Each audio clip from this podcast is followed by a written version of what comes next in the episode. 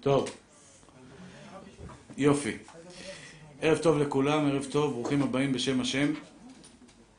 אנחנו בסימן ר"ד, למדנו עיקר וטפל, כלשהו עיקר ואימו תפלה, מברך על העיקר ופותר את התפלה, שזה אומר בעצם שישנם מאכלים, הרי אסור לאדם ליהנות מהעולם הזה בלא ברכה.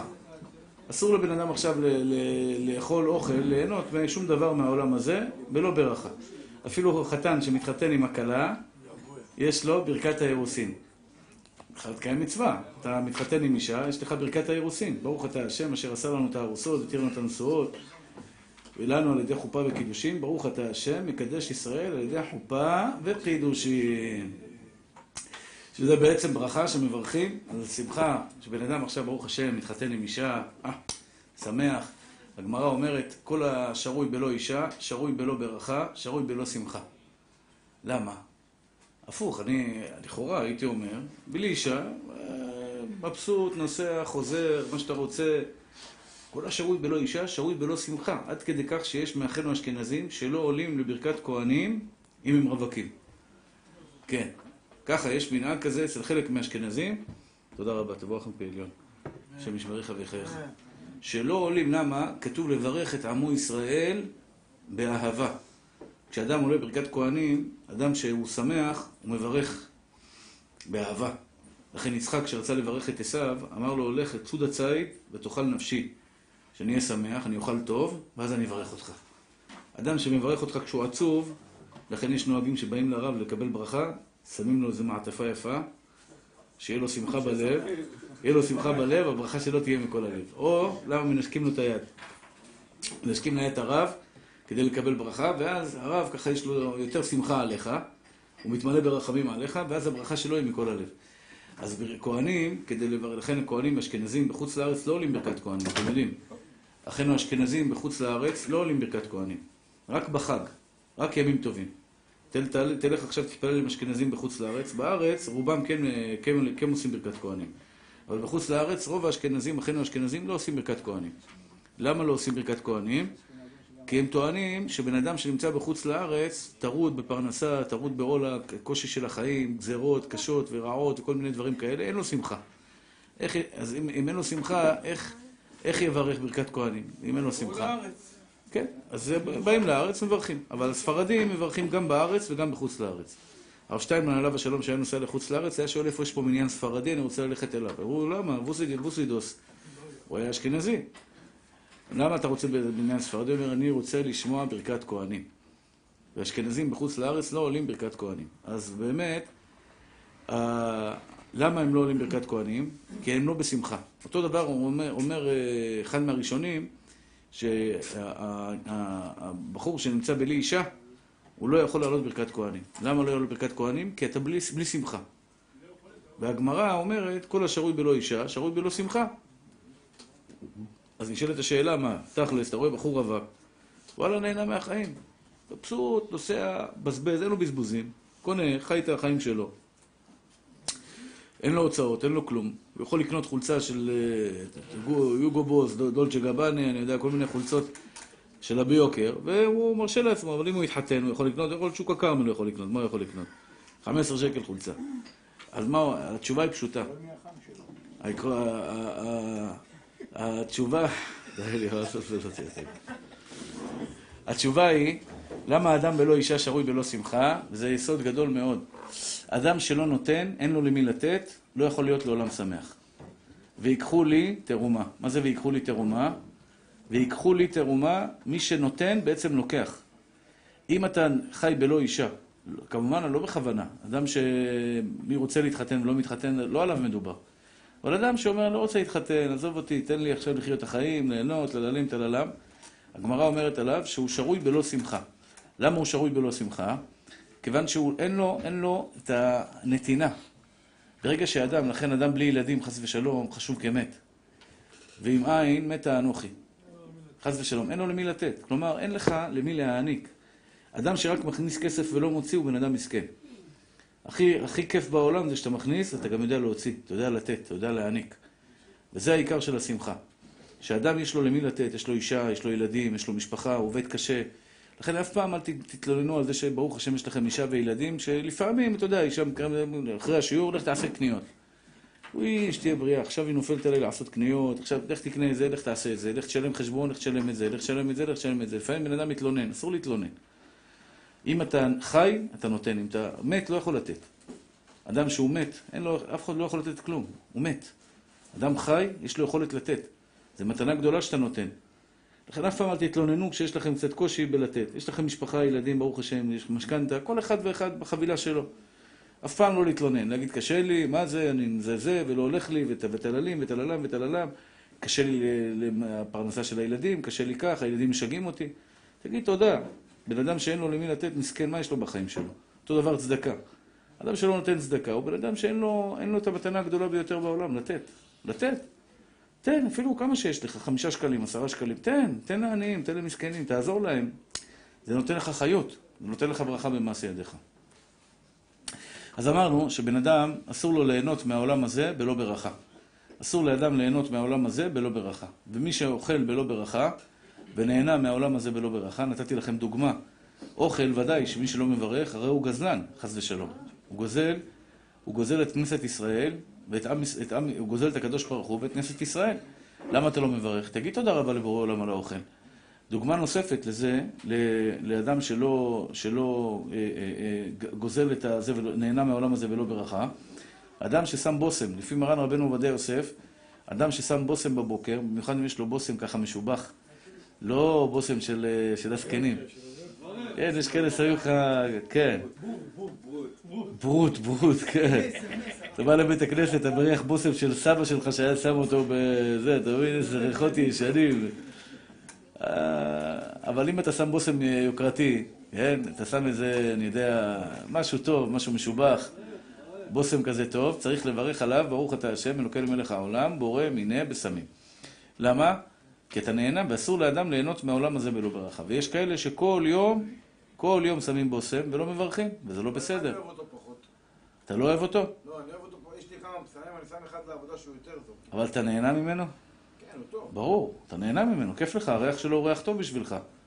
כל שיש לו ריח טוב, שאתה נהנה ממנו, אתה חייב לברך. אסור ליהנות מהעולם הזה בלא ברכה. איך שאתה שם על היובל? כן? אני עושה ככה, אני, אם אני, אני לא שם בושם הרבה, אבל אם כבר יוצא לי איזה בושם כזה מיוחד, אני שם קודם על היד, מברך, ברוך אתה השם, אלוקינו מלך העולם, בורא מיני בשמים, אה, מריח טוב, ואז שם את זה על הגוף. אתה מבין? ככה, ככה צריך לעשות לכתחילה. להניח על הידיים, לברך בורא מיני בשמים. יש כאלה שבשירותים שמים את הבושם, אז יצאו החוצה. בשירותים אסור לברך כמובן, כן?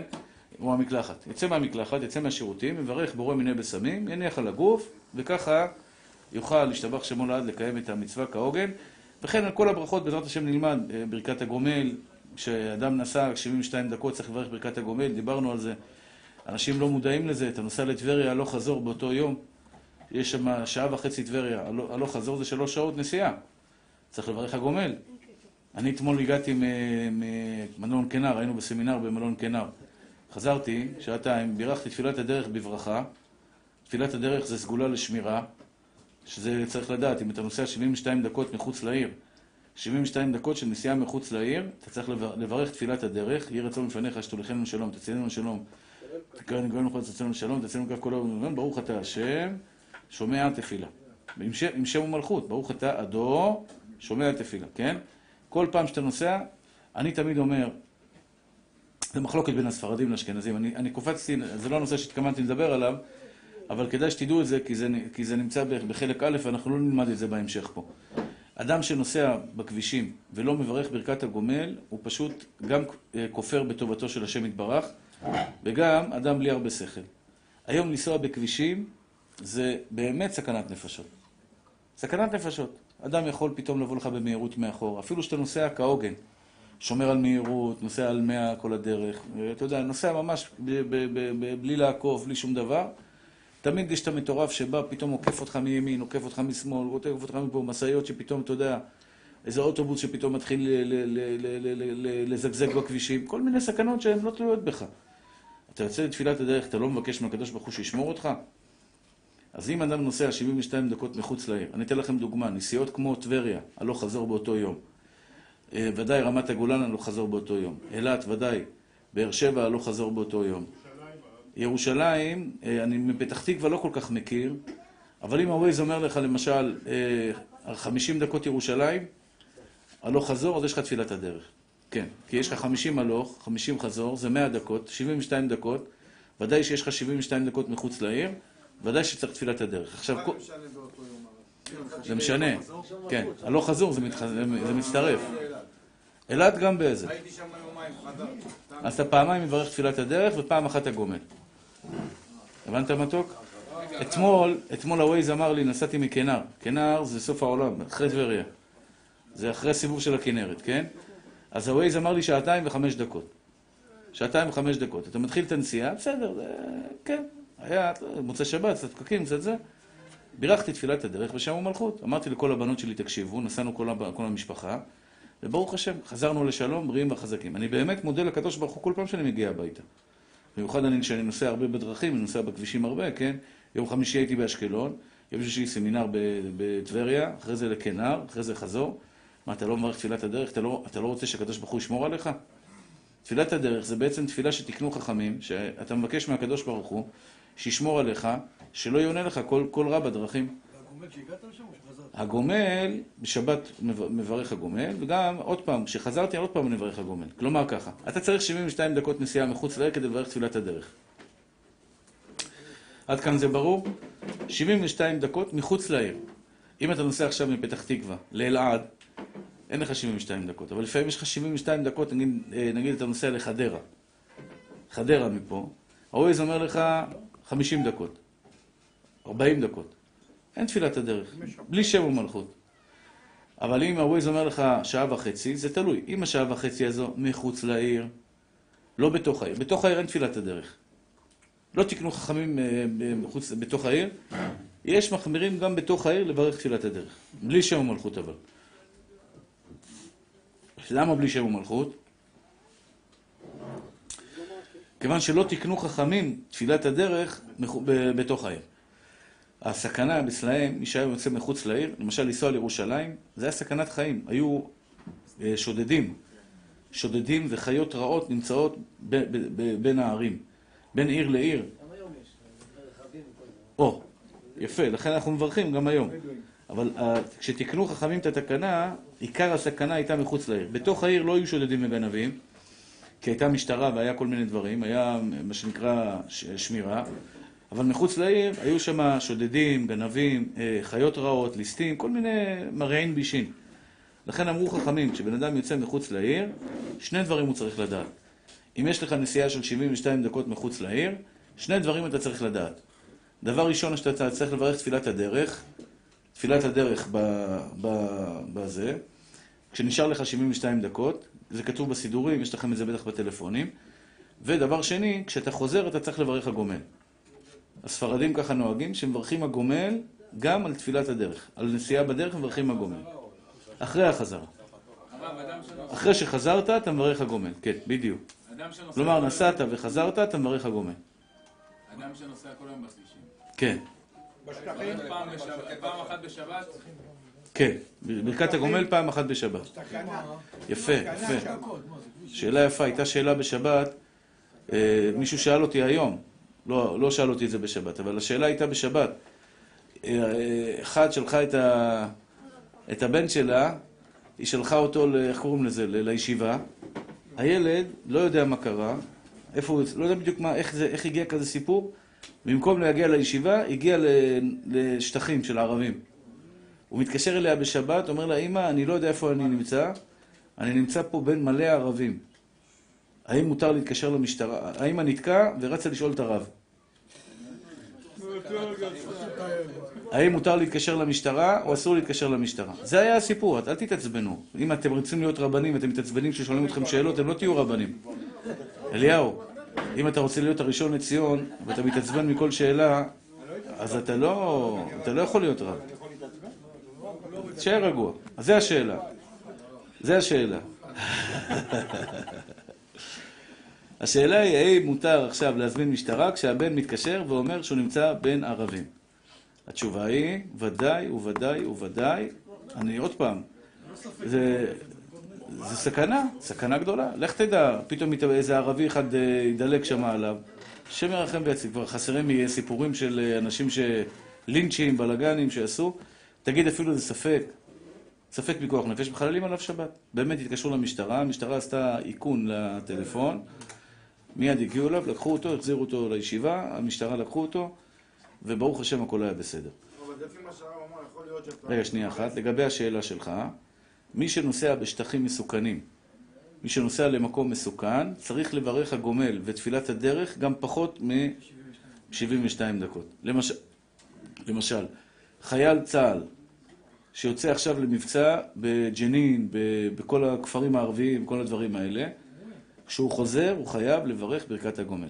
למה? בעוונות הרבים, בעוונות הרבים, לצערנו הרב, אלו יכולים לזרוק על לבנים, בלוקים, אפילו שהוא עבר ברחוב והכל היה בסדר. הרב גם? אני לא יודע מותק שלי. אני לא מכיר מותק שלי. אני באמת לא מכיר. אני באמת לא מכיר. אני לא יכול לענות לכם כי אני לא מכיר את האזורים האלה. כל מקום, כן, כל מקום שיש סכנה, סכנת נפשות, כלומר שיכול חס ושלום היה, שזה שכיח, שזה דבר מציאותי. תפוח למשל, הוא פגע אם אני אגיד לו שצריך, אבל נראה לי שתפוח לא צריך. יש שם שקט בדרך כלל. אבל צומת תפוח, הבנתי שזה צומת קצת... אה, זה, לא? צומת תפוח. אין שם בלאגן? מתוח, מתוח. כן, יום לא. יש שם חיילים כל הזמן. כל יום, כל יום. יש חיילים יש חיילים. אתה כל שבוע? לא, לא לא גומל. לגבי הגומל, אני מחכה שמישהו, ואני מוציא את עצמי, שאחד שהוא. אה. כל היום בדרכים, אז הוא מברך פעם אחת הגומל. אה, יפה, יפה, כל הכבוד, כל הכבוד. אז הנה הוא... אה, בחור צדיק, אה, ברוך השם בקיא בהלכה, הרב אדיר המתוק, הוא עושה דבר פשוט, בגלל שהוא גר בתפוח, והוא מסתפק אם זה נקרא מקום סכנה או לא מקום סכנה. לא בתוך היישוב, אבל מחוץ ליישוב, עד שאתה מגיע לתפוח. כן, אני, ככה נראה לי, אני לא מכיר, באמת שאני לא מכיר, אבל ככה, ככה אומרים. אני זוכר כמה פיגועים שהיו בצומת תפוח. אמרו צומת תפוח, יריות, צומת תפוח כך, צומת תפוח כך. לכן במקרה כזה, במקרה כזה, אה, באמת אה, כדאי מאוד לשמוע גומל ממישהו אחר שמברך ולצאת ידי חובה. כלומר, אתה מקשיב עכשיו למישהו אחר שמברך הגומל, מתכוון לצאת ידי חובה, ואתה יוצא ידי חובה, ובזה מה שנקרא, אה, פתרת את עצמך. כן, מי שמברך הגומל, לכתחילה צריך לעמוד, כן. לא, כך, הרמב"ם כותב, יעמוד ביניהם ויברך. משמע ברמב"ם שצריך לעמוד. בדיעבד, אם ישב, יצא. גם, בטח, שומע כעונה, ודאי. ברכת הגומל לכתחילה צריכה להיות בב- בברכה. לכן אני אומר, אדם, אדם שהיה, יש לנו, חובה. לא משנה, לא משנה. לכתחילה ברמב"ם כתוב שצריך לעמוד. משמע ברמב"ם שצריך לעמוד, ולכן צריך לעמוד בשעת ברכת הגומל. כן, לגבי מוליד ריח על הבגד, שאדם שם בושם על הבגד, כן. אם הוא שם אותו מערב שבת, והבגד עדיין מריח, הוא שם בשבת על הבגד, שמעתי בשם הרב חוטה שהוא אומר שמותר. אני לא בדקתי את זה. לא בדקתי את זה. שמעתי חידוש יפה בשם הרב אה, בנימין חוטה, הרב הגאון, הרב בנימין חוטה, השם ישמרו וחייהו. מאוד נהנה מהדברי תורה שלו, ממש תענוג לשמוע אותו. אה, והוא שמעתי בשמו, לא שמעתי את זה ממנו, מישהו בא אליי ואמר לי בשמו, ועכשיו הוא עוד פעם, עוד אחד שאומר לי את זה, שהוא אמר שאסור בשבת לשים בושם על בגד. זה ברור. כן, רגע, רגע, שמעון, תירגע ממי. אני יודע, זה מה שאמרתי. אמרתי שאסור לשים בושם על בגד. בשבת. מה? כן, כן, כן, זה כתוב בשולחן ערוך, ממי. זה כתוב בשולחן ערוך. שאסור... כן, מה קרה פה היום?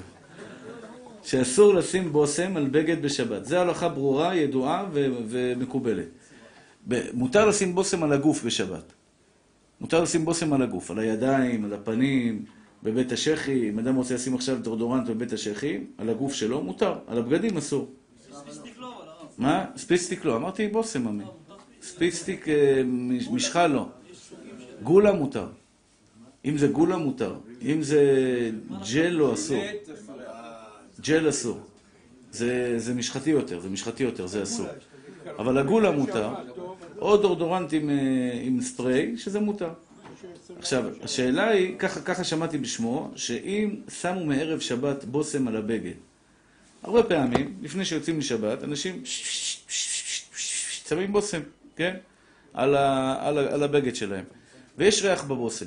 האם מותר להוסיף ריח על הבושם, או אסור להוסיף ריח על, הב, על הבגד? יש ריח כבר.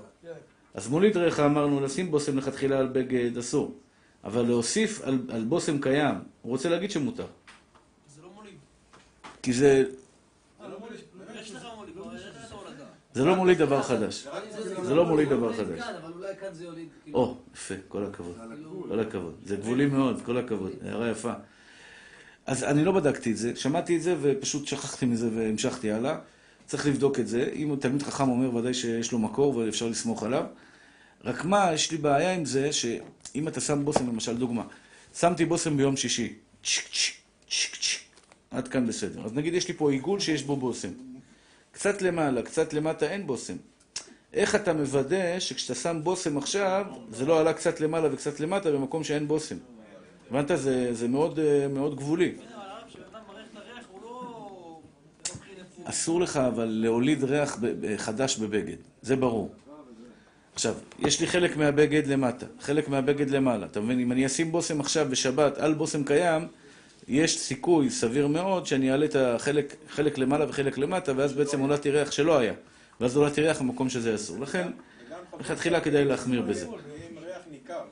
לא, כן, צודק. היתר לזה שהריח אז עצמו לגבי מה שהרב אמר על תחילת הדרך, יוצא מזה שיש מצב שאתה מברך תחילת הדרך בלי ברכה, אבל ברכת הגומל תקן, אם יש לי 50 דקות לירושלים, כן.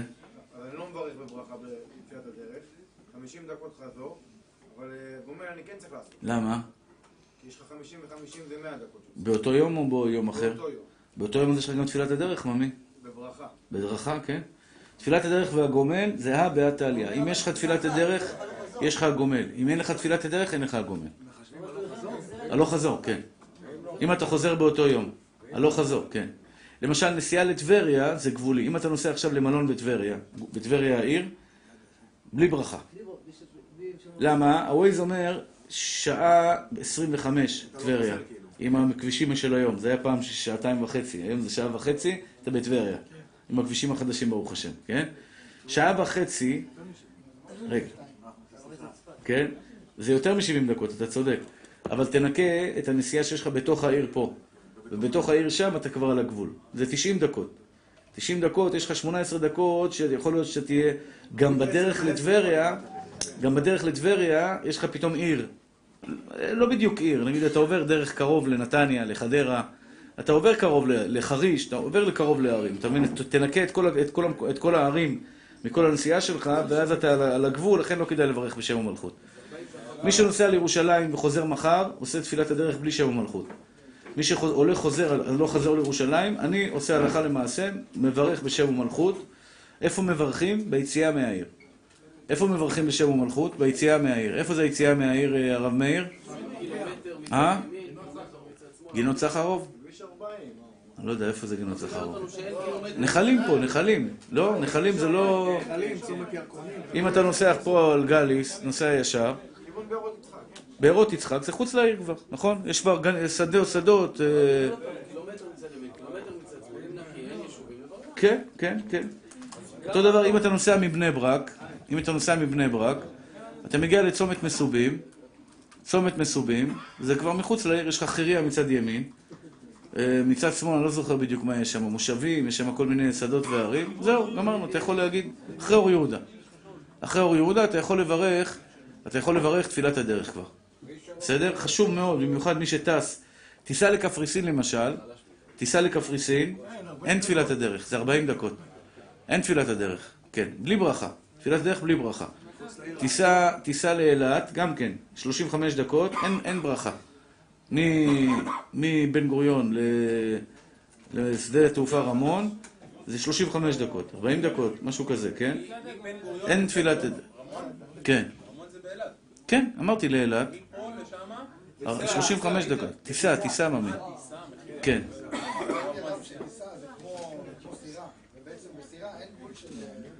הרב עובדיה לא סובר ככה. לא, הרב עובדיה לא סובר ככה. זה במאה אחוז אני אומר לך. הרב עובדיה אומר ש... סירה לא. בסירה זה משהו אחר. סירה זה משהו אחר, מטוס זה משהו אחר. אה, הרב עובדיה סובר שמטוס זה רק 72 דקות טיסה. למשל, אם אתה טס ליוון, כמה זמן זה? יותר מ-72 דקות? אתה טס ליוון. כן? יותר משעה או פחות משעה? אה, לא יודע, אני לא יודע, נסעתי לקפריסין, הנ- הנסיעה לקחה 40 דקות. עד שאתה עולה, ז'יט, הוא מתחיל לנחות. רכבת. אותו דבר, מה? תאילנד, אתה אומר הגומל? אליהו? או, שאלה יפה. מה מותק? לא, אם אני לבד גם, אז אני אעשה את זה. לא, תברך כאילו בנהיגה. תלוי כמה זמן נסיעה יש לך בהלוך. תלוי כמה זמן נסיעה יש לך בהלוך. יש לך 72 דקות נסיעה? מה? מחוץ לעיר? למשל, תן לי דוגמה, לאיזה נסיעה אתה מדבר? אה, יש לך תפילת הדרך? ודאי, יש לך תפילת הדרך בשם ומלכות והגומל בשם ומלכות, כן. ודאי, אין שאלה בכלל. הרב, כניסה לים. כשאדם נכנס לים. הרב עובדיה כותב בים דבר שלא נהגו ככה. הרב עובדיה אומר, כל מי ששוחה בים צריך לברך הגומל. כל מי ששחה בים, לא שכשך רגליים. הכניס רגליים לים. שחה בים, כן. שחרר את הרגליים מהקרקע, עשה איזה שחייה קלה, הגומל. ככה משמע בדבריו בחזון עובדיה. אבל לא נהגו ככה. מה? לא שומע? לא, לא, לא. לא בריכה, הוא דיבר על ים. הוא דיבר על ים. אבל לא נהגו ככה. גם הרב יצחק יוסף, אני חושב שאם אני זוכר טוב, אמר שהמנהג לא ככה. לא ראינו מי ששוחה בים מברך הגומל. אבל הרבה פעמים אנחנו צריכים הגומל ולא יודעים. ואני אומר, זה כפיות טובה לא לברך הגומל. למשל, אדם חולה. אנחנו נלמד את זה בהמשך. אדם חולה, נפל למשכב. לא הרגיש טוב, קורונה. היה לו יום אחד חום. אני, כשקיבלתי קורונה, לא עליכם, ברוך השם, היה לי יום אחד 38 מעלות, וזהו. ירד, וברוך השם, לא הרגשתי כלום חוץ מזה. כמעט, אה, הרגשות, אה, חוסר טעם, ריח, אבל לא משהו רציני. אז הסתפקתי אם אני צריך לברך הגומל או לא צריך לברך הגומל. לילה אחד הייתי במיטה, לי קר, מדדתי חום, היה לי 38 מעלות, כן? וזהו, ברוך השם, למחרת קמתי, הכל בסדר. האם אני צריך לברך הגומל על זה, או לא צריך לברך הגומל על זה? לא, לדעת מרן, רק לרמה צריך שלוש ימים. לדעת הרמה צריך שלוש ימים. לדעת מרן, מספיק יום. נפיל פעם אחת. למשל, אדם מגיע הביתה, יש ימים שלפעמים אדם מרגיש קצת לא טוב, חלש, מרגיש לא טוב, בחילות, סחרחורות, הולך הביתה, הולך לישון בשמונה, קם בבוקר חדש. מרגיש טוב. צריך לברך הגומל או לא צריך לברך הגומל? לדעת מרן, אם הוא נפל למשכב מחמת החולי שלו, זאת אומרת, הוא הגיע הביתה, הוא אומר, שמע, אני לא מסוגל לתפקד. הוא לא הרגיש טוב, ובגלל זה הלך לישון, צריך לברך הגומל. צריך לברך הגומל. לא משנה ממי. אם נפל מחמת חוליו למשכב, אני אגיד לך, הגמרא אומרת, נפל תורה, חדד סכינה. השטן מקטרג בשעת הסכנה. כשאדם נופל למשכב, השטן פותח למעלה את כל הספרים. פותח את כל הספרים של הבן אדם. הבנת? לכן כשאדם בעצם נפל למשכב, הוא היה בסכנה. אפילו שהוא לא ידע מזה, הוא לא היה מודע לזה, הוא היה בשעת סכנה, חס ושלום. שלא יבוא ולא יהיה לאף אחד מעם ישראל. תלוי, עוד פעם, אם הוא נפל למשכב מחמת חוליו בפשיטות, היה חולה, לא. יברך בשם המלכות. יברך בשם המלכות. כך מנהג הספרדים, בפשיטות, יברך בשם המלכות. כן, הרב שרון. כן, מתוק.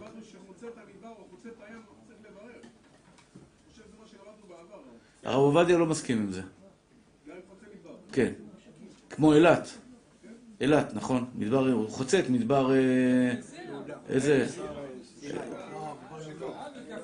לא, יש איזה מדבר שחוצים בדרך לאילת. ערבה, איזה מדבר זה אני לא יודע. זה נקרא מדבר יהודה?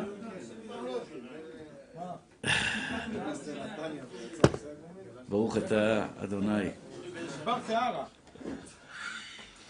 אלוהינו מלך העולם שהכל נהיה בדברו. פעם שאל אותי, בחייל שטיל של טנק עבר לו ליד הראש. בטעות, באימונים של טנקים, עבר לו טיל, טיל של טנק ליד הראש. האם הוא צריך לברך הגומל או לא צריך לברך הגומל? על הטיל שירד. אומר, הוא הטיל, עובר. אמרתי לו שהוא צריך לברך הגומל, לא בגלל הטיל שעבר לידו, בגלל שהוא היה במקום סכנה. לא בגלל שעשה לי נס, הגומל, לא שעשה לי נס. עצם זה שהוא היה במקום של אימונים, שיורים טילים, זה נקרא, היה במקום סכנה. מה זה משנה אם אתה נמצא במקום של אה, מחבלים? אם זה סכנה, אני לא... כן, לדעתי יכול להיות שכן. מה? לא נפצחים? לא נפצעים? אוקיי. כי לפעמים יש כאלה שמסתובבים, שואלים אותו רגע... פתאום אתה רואה... כן, הוא מסתובב עם הנשק שלו, זה, וכולם... רגע, נתקע לי פה הנשק, מישהו יכול לעזור לי? אה, האמת שבמטווחים, אתה צודק, במטווחים, בדרך כלל מטווחים טובים, יש שניים שעומדים ליד כל אחד, ואתה יודע, הוא רק מסתובב, קופצים עליו. כי הם הרבה משתגעים, אחד רוצה להתאבד, אומר בוא ניקח עוד כמה חבר'ה איתי, הולך למטווח, מזכיר אה, נשק, ומתחיל לירות ומת, ומתאבד. ושלא יקרה, עומדים שתיים מצד ימין, אחד מצד ימין, אחד מצד שמאל, ברגע שרק הוא חושב להסתובב זה זה, קופצים עליו, תופסים אותו. אין להסתובב, אתה לא מסתובב. אז לכן במטווחים יכול להיות שזה באמת פחות. אבל אם אדם נמצא במקום סכנה, שטילים שורקים ליד הזה שלו, אתה מסכים איתי שאם טיל שרק לו ליד, ה, ליד הראש, זה נקרא מקום סכנה, אז זה, זה, זה, זה מקום שלצערנו הרב יכול להיות בו הרבה תקלות, הרבה, הרבה סכנות, אז לכן צריך לברך הגומל ב, בוודאי, בשם המלכות, בוודאי. כל מקום סכנה, אם אדם עכשיו חס ושלום נכנס לכפר ערבי עוין, אני, אני עוד פעם לא מבין בזה, אני לא יודע, אני רק אומר, לפי הכללים בהלכה. כפר ערבי עוין, וכל אחד יודע, כל אחד מסתם מי שחי במקומות האלו יודע איפה זה עוין, איפה זה לא עוין, צריך לברך הגומל. זה מקום סכנה. פעם בשבוע, פעם בשבוע. בשבת. טוב, נמשיך הלאה רבותיי היקרים, זה... זה...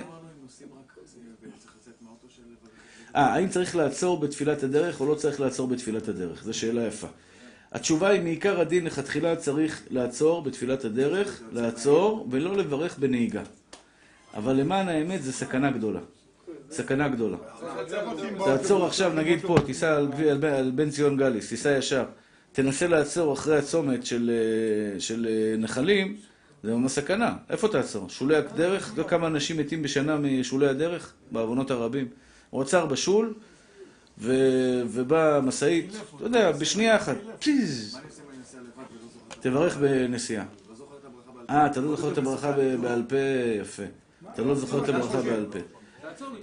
תעצור בתחנת אוטובוס, תעצור בתחנת אוטובוס, תעצור בתחנת דלק, תברך, תברך הגומל ותמשיך הלאה. אה, לא הגומל, תפילת הדרך ותמשיך הלאה. יפה, שאלה יפה שאלת. האם צריך לעצור בתפילת הדרך או לא? לכתחילה צריך לעצור בתפילת הדרך, אבל אם יש סכנה, יגיד, יגיד תפילת הדרך בנסיעה. ואני על פי רוב מברך אה, בנסיעה. כן, בנסיעה, כי קשה מאוד לעצור. מה? לא, אני נוהג. אם אני לא נוהג, ודאי שאני מברך. אבל אני מדבר אפילו שאני נוהג, אני יודע בעל פה, אז לכן זה יותר קל לי, אבל... אה, יש נהג אוטובוס שיוצאים לטיול וכל הבית כנסת וזה, אז כאילו הרב? אנחנו- או, שאלה יפה שאלת, בני. האם אפשר שבאוטובוס נוסעים עכשיו נגיד נסיעה... באוטובוס נוסעים נסיעה עכשיו מאורגנת, קברי צדיקים, נוסעים לצפון, ככה השתבח שמו לעד להתחזק. תארגנו.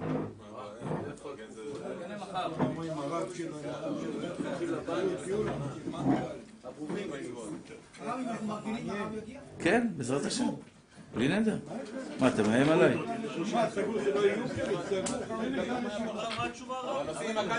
התשובה...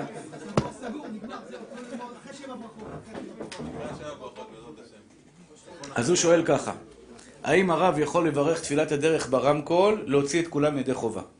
בכלל, האם יוצאים ידי חובה ברמקול? כשאני עכשיו מברך ברמקול, אני יכול להוציא אתכם ידי חובה או לא? אז הרב עובדיה אומר ככה, הוא אומר בזה, מיקרופון, סליחה, מיקרופון, נכון. מגילה לא. מיקרופון.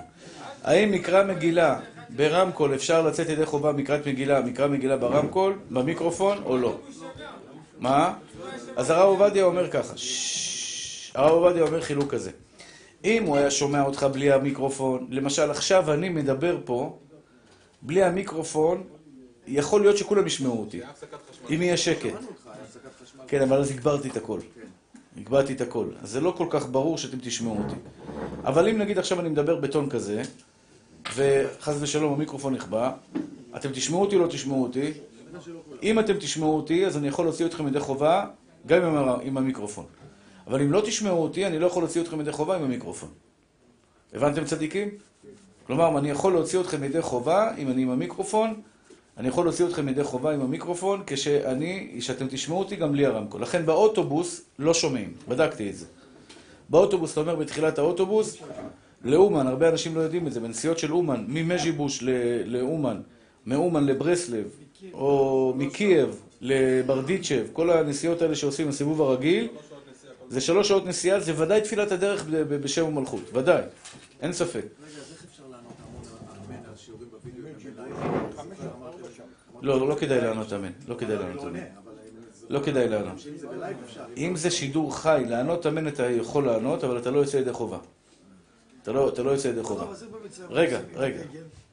כי שם לא יוצאים ידי חובה. התוספות שואלים את השאלה שלך, כי שם לא יוצאים ידי חובה. במצרים היו אומרים בדגלים, בחיי המתים, האל הקדוש וכולי, אז באמת שם התוספות שואלים איך יוצאים ידי חובה, הרי הם לא שומעים את החזן, התשובה היא, הם לא היו צריכים לצאת ידי חובה, רק הוא היה אומר להם, תענו אמן על הברכה, זה הכל. לענות אמן על הברכה, אפשר לענות אמן על הברכה גם בלי, בלי לשמוע. לכן לגבי השאלה שלך, האם באוטובוס יוצאים ידי חובה? התשובה היא לא. לא יוצאים ידי חובה מהרמקול של, ה, של הרב, רק מי שקרוב אליו. מה שאני עושה איתם באוטובוסים, אני אומר להם, תחזרו מילה במילה אחריי. כולל ברוך אתה השם?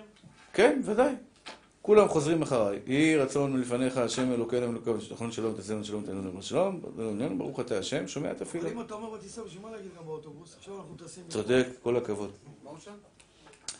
אם אתה עכשיו נוסע מפה לקייב, ומקייב לברדיצ'ה ולאומן, כן? שזה נסיעה של חמש-שש שעות. מה זה שייך? כל נסיעה בנפרד. לא, לא, לא, לא. פעם ביום. פעם ביום. עכשיו, במטוס כבר עשו תפילת הדרך. אותו יום, יצאת, נגיד... יצאת חמש בבוקר, הגעת לשם שמונה בבוקר, יצאת חמש בבוקר, עשית תפילת הדרך במטוס? עשית. אחרי זה האוטובוסים, כל השאר, נסחבים אחרי פעם אחת שעשית כבר. זה עדיין אותו דרך. אבל בלילה שישנת באומן ונסעת למז'יבוש, או נסעת למז'יבוש ונסעת לאומן, יום חדש, תפילת הדרך. הפסקת את זה. מי זה אנחנו? ככה הוא אומר? אה, אתה יוצא מהעיר, אבל לא יוצאים מהעיר, זה הבעיה.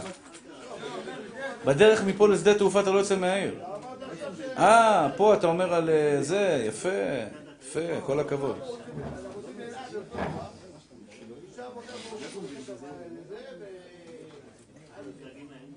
יפה, כל הכבוד, כל הכבוד. יש מקום להקל, כאילו במיקרופון, בדרך טלוויזיה, זה- לא- לא ב... אבל לא לשמוע אותה. לשמוע בלי לראות. אתה לא יוצא ידי חובה גם. נגיד, נצא פה הדחה עכשיו כל ההלכה הזאת של של ה- כן, אתה צודק, הבנת טוב. אה, אם אתה רק שומע עכשיו אום כלתום, לשמוע את אום כלתום, היא לא רק בנית, בנית, חס ושלום. טוב, נמשיך הלאה רבותיי. כל דבר שהוא מסופק בברכתו, יברך שהכל. הרב מאיר, כל דבר שאתה מסופק בברכה שלו, תברך שהכל. אבל זה לא מדויק ההלכה שכותב פה מרן. כל דבר שאתה מסופק, אתה לא יודע, מה, מברכים על... אה, אה, איך קוראים לזה? שקדים של, אה, עגל. סתם, בן אדם עכשיו חזר בתשובה אתמול, וואלה, הוא לא יודע כלום, מסכן. הוא לא יודע, עץ, אדמה, אתה יודע, יש כאלה גם בגיל מבוגר לא כל כך יודעים מה זה עץ אדמה. אבל זה לא מדויק, זה לא מדויק. מה? בהלכה. ודאי, כל הכבוד. אז קודם כל, לכתחילה צריך לברר. יש לך טלפון, תקשר לרב. יש היום בתי הוראה בכל הארץ, ברוך השם, רבנים 24 שעות 7. בתקופתי, לפ- לפני זה, היו אנשים מסכנים, לא היה להם רבנים להתקשר אליהם. אתה יודע שאתם תופסים את הרב, ברוך השם, תודה לאל, היום יש לך רבנים 24 שעות 7. 6, לא 7. שבת אין. שבת צריך ללכת ברגל לשאול אותו, אבל... היום יש לך 24 שעות רבנים, ברוך השם, אתה כל הזמן יכול לשאול בלי בעיה. אז לכתחילה, שנייה אחת. כל דבר שהוא מסופק בברכתו, אומר מרן יברך שהכל נהיה בדברו. מה הכוונה מסופק בברכתו? אם יש לך ספק, בדרך כלל עיקר הספק זה עץ או אדמה. עץ או אדמה, זה עיקר הספק. כי דברים שהם שהכל נהיה בדברו, גם ילד בגן יודע. נשאל אותו עכשיו את המתוק הזה, מה מברכים על גבינה? ג'ונם. אתה, כן. מה מברכים על גבינה?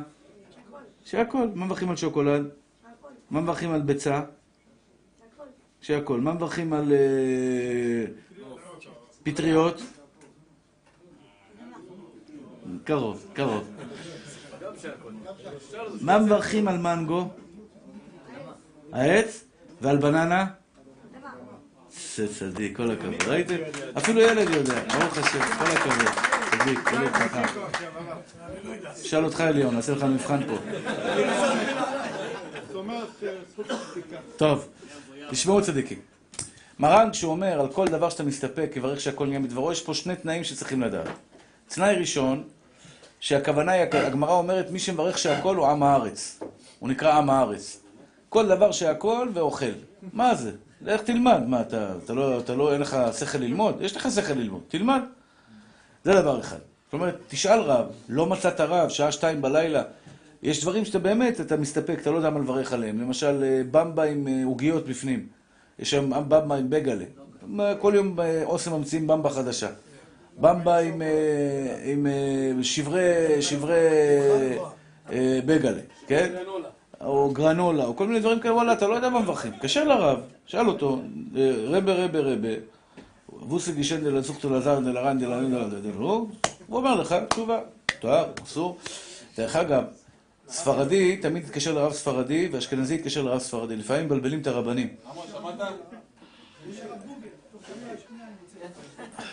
שמעון, אני כאילו רם בוקר, הגעתי לשבת, יש דברים שלא ידעתי, נתקעתי עם עצמי, הלכתי לבית כנסת לשאול חלק מהדברים. אה, כל הכבוד. משהו אחר שאני יודע בוודאות. יפה. אה, אז, אז קודם כל, אה, אה, חשוב... לא, גם המוציא לא פותר לך הכל. על מעדן שאתה אוכל באמצע הסעודה, אתה מברך באמצע הסעודה או לא מברך? זה, מברך. מעדן, מעדן, אתה אוכל. אתה אוכל לחם, ואתה אוכל בסוף מעדן של, של הילדים. אתה מברך באמצע הסעודה או לא מברך באמצע הסעודה? התשובה היא לא מברך באמצע הסעודה. לא מברך באמצע הסעודה. לא, לא מברכים באמצע הסעודה. ג'ונם, לא מברכים. אה, אז נמשיך ככה רבותיי, שימו לב מתוקים שלי. שימו לב מתוקים שלי, הלכה, הלכה למעשה. לכתחילה בן אדם צריך לברר. יש לך דבר שאתה לא יודע מה מברכים עליו, תתקשר. היום יש גם, ברוך השם, באינטרנט, יש הידברות, אתר הידברות, או כל מיני אתרים אחרים, אבל חשוב לדעת רבותיי, יש רבנים, עשה לך רב והסתלק מהספק. אתה לא יכול להתקשר לכל בית הוראה, למשל.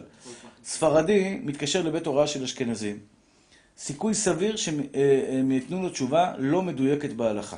לא טעות, כי לפי אשכנזים זה בסדר, אבל לפי הספרדים, החידה כותב, מרן החידה, כותב שאם ספרדי עשה כמו אשכנזי, הוא ייתן על זה אה, את הדין ביום, ב- ביום הדין הגדול והנורא. כלומר, אחרי 120, יבואו ויגידו לו, הלו, מה עשית? עברת עבירה? הוא אומר, אבל אני שאלתי רב. אמרו לו, איזה רב שאלת? אשכנזי? עם כל הכבוד, ויש לנו כבוד בוודאי גדול לרבנים האשכנזים. הוא רב שמורה הלכות לאשכנזים, אתה צריך לשאול רב שמורה הלכות לספרדים. אתם מבינים את מה שאני אומר? במיוחד, מה? לא, מה זה שולחן ערוך? גם בשולחן ערוך יש את הרמה. הרמה חולק על שולחן ערוך. הרבה דברים שחולקים על השולחן ערוך. האשכנזים חולקים על השולחן ערוך הרבה. אני יודע שבעלי תשובה, לא משנה מה אומרים, עוסקים להם אה, כמו מרן, בין אם הוא אשכנזי, בין אם הוא ספרדי. אז זה בגלל שהוא בארץ ישראל. זה בגלל שהוא בארץ ישראל.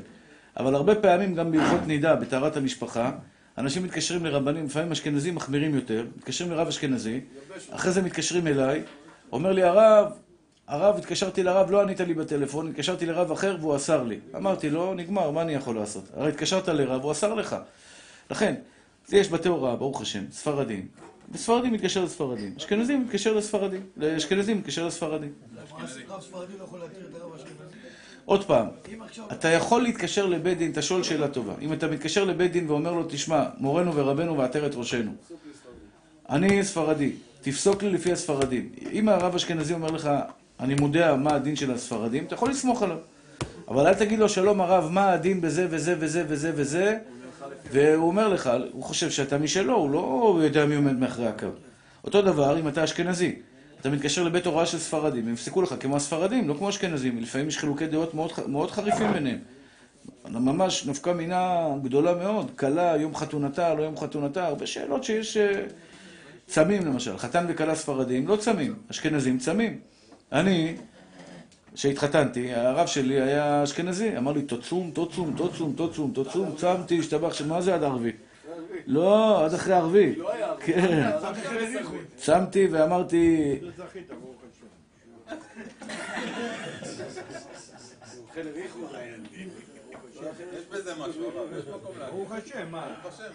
למה אתה מזלזל במנהג של הספרדים? אני לא מבין, למה אתה מזלזל? הספרדים לא צמים, לא צמים, אמרנו, מה אתה אתה רוצה להכריח בן אדם לצום סתם? יום שמחת ליבו של האדם, אתה אומר לו לצום, אתה יודע מה היה לי בחתונה? הייתי נראה כמו שד. לא איך הייתי נראה חיוור כסיד, למה? כי בקבלה במנחה אמרתי, אני מקבל על עצמי תפילת, אה, לצום עד תפילת ערבית. עכשיו אני מחכה בחתונה, אני צם כל היום, מחכה בחתונה שיתפללו ערבית, אף אחד לא מתפלל ערבית, אני אומר לו, "אה, מה יריב, מה יריב, מה יריב, אף אחד לא עונה לי, ערבית, ערבית, לוקחים אותי לרקוד, ריקודים, טה... בינתיים לא התפללתי, לא אכלתי, לא התפללתי, לא כלום, הייתי במקווה גם, איזה אחד אמר לי, אחד אמר לי, לך למקווה, תטבול 310 פעם כמנהג הכעס, תבטל מעצמך מידת הכעס. טבלתי 310 פעם, אחי, חזרתי משם, שיכור לחלוטין, כמעט ולא יצאתי מהמקווה שם. אתה יודע מה זה מקווה חם 310 פעם? בקיצור, גם בתענית, גם ב-310 טבילות, וגם זה, בקיצור, יצאתי משם אה, דג, דג סחוט, אה, מרוט, ועוף עוף קפוא, מרוט ומפורק. לכן, מה שאני רוצה לומר לכם, אחים יקרים ואהובים, שכל אחד ואחד, שכל אחד ואחד ילך לשאול רב שמתאים לעדה שלו, להוראות שלו. אני אגיד לכם יותר מזה, יותר מזה, אנשים לא יודעים את זה. הרבה אנשים הולכים לפי הרב עובדיה. הרבה מהספרדים, אפשר להגיד 90% מהספרדים הולכים לפי הרב עובדיה. רוב הציבור הולך אחר הרב עובדיה. הוא מתקשר לרב ספרדי,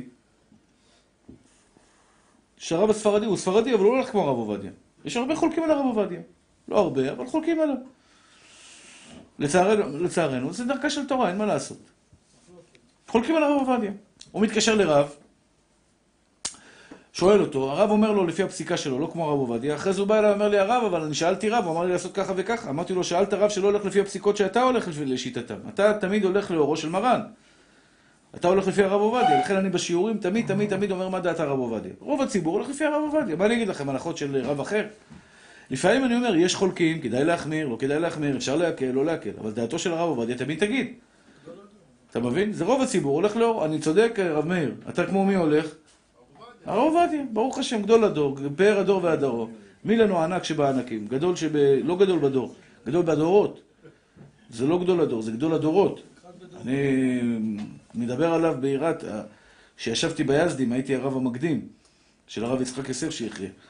ישבתי שם ביזדים, הרגשתי כשל נעליך מעל, מעל רגליך, כי המקום אתה יושב, אשר אתה יושב עליו, מקום קודש הוא. איפה שמרן היה מעביר שיעורים, זה מקום, זה בעיניי, פעם לקחנו פה לטיול את פסגות, לרב עובדיה לשיעור. הרב היה עם זקן שחור. זקן שחור היה לי. לקחנו סרטון, לקחנו את כל, את כל החבר'ה שהיו פה בפסגות, אוטובוס, סיכמנו עם, ה, עם, ה, עם השמש של הרב עובדיה, שמתפלל איתו ערבית, והוא ייתן שיעור מיוחד בפסגות. פסגות ו, וחלק, וחלק מבני ברק באו. שמה של הרב, נכון, אשכנזי? הוא לא אשכנזי, מה פתאום? מה פתאום? עיראקי אורגנל. כן. בקיצור, אז, אה, אז אמרתי להם, רבותיי היקרים, יום אחד יבוא יום שאתם תספרו לנכדים שלכם שאתם הייתם באותו חדר עם האדם הגדול הזה. מי שהבין את הערך להיות, לחיות בדור של, של מרן רבנו עובדיה יוסף זה קודש קודשים, באמת. אי אפשר להבין את גדולתו בתורה. מי ש... כולנו מכירים את הרב עובדיה בתור עמך בית ישראל, מהתמונות, מזה, אתה מבין, מהצהרות, אבל הגדולה שלו בתורה ובמעשים טובים, זה לא יאומן כי יסופר, היהודי הזה. אז לכן אני אומר, גם כשאתה שואל רב, אתה חייב להגיד לו, מורנו ורבנו, ילמדנו מורנו, איך אני פוסק כדעת הרב עובדיה. הרב שלא יודע מה דעת הרב עובדיה, אל תשאל אותו. אל תשאל אותו, יש בכוך השם מספיק רבנים. תשאל את הרב, מה דעתו של הרב עובדיה. הבנתם צדיקים שלי? זאת אומרת, לא רק ספרדי אשכנזי, גם בתוך הספרדים יש חילוקי דעות. גם בתוך האשכנזים יש חילוקי דעות, אבל לפחות יש לנו קו. קו, ברור, קו שהולך לפי, קו ההלכה, של, קו ההלכה של הידברות, הרב אבוטבול. של הרב אבוטבול מצוין. של מצוין. הוא הולך לשיטתו של מרן, פסיקות כמו מרן, אתה יודע, לא זזים ימין ושמאל מדעתו של מרן, זה הדרך. לא הולכים שם ימינה או שמאלה. למה? כואב לי הלב, לפעמים מחמירים על בן אדם, במיוחד בהלכות נידה. בן אדם רוצה, אתה יודע, רוצה שאשתו תהיה טהורה, והוא הולך לשאול רב שהוא מחמיר. הרבה מקרים שרבנים שיעורים מחמירים. והוא אומר לו אסור.